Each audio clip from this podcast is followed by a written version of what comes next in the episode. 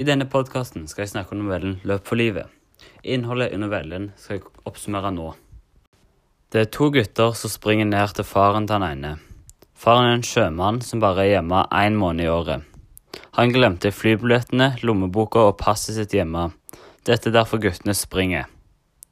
De kommer fram i tide, men det har ikke så mye å si, siden de glemte passet, lommeboka og flybillettene. Etter dette går alle tre hjem. Videre i podkasten skal jeg snakke om forholdet mellom den ene gutten, Øystein, og faren hans. Forholdet går opp og ned i novellen. Jeg kommer òg litt innom forholdet mellom den andre gutten og hans far. Som jeg sa tidligere, har forholdet mellom Øystein og faren hans gått opp og ned. I starten av novellen kan vi finne setningen Det hadde vært svart mellom Øystein og faren på denne frivakta. Måneden han var hjemme en gang i året. For mye fyll og krangel. Og Øystein var blitt eldre. Dette tyder på at det ikke alltid har vært bra mellom Øystein og faren hans.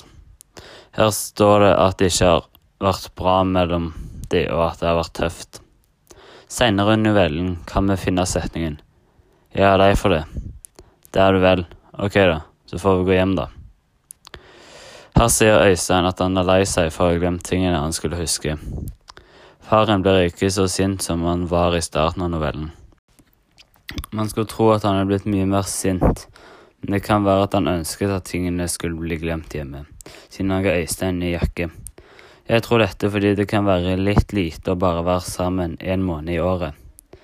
Jeg tror også at faren glemte tingene hjemme for å unngå å reise for å være mer med Øystein. Det samme gjorde guttene, siden de ville ikke at faren skulle reise. Jeg tror dette var helt tilfeldig at både faren og guttene gjorde det samtidig. Det var ikke avtalt på forhånd, tror jeg, men jeg tror faren gjorde det fordi han ville komme nærmere Øystein og bli bedre kjent med han. Som jeg sa, var de ikke så lykkelige sammen i starten av novellen, men nå har de sjansen til å bli det. Dette var nok grunnen til at guttene også glemte det hjemme. De ønsket at Øysteins forhold med faren skulle bli bedre. Men det er ikke bare gode ting som kommer fra at faren ikke rakk flyet til Singapore, men også dårlige ting, som at han mistet jobben for ikke å komme seg til Singapore i tide. Det var nok viktig siden han måtte dra så tidlig hjemmefra. Det positive som kom ut av at faren mistet jobben, er at han og Øystein får bruke mer tid sammen nå. Nå skal jeg snakke om forholdet mellom den andre gutten og faren hans. I slutten av novellen begynner han å grine mens han sier at han ikke har en far.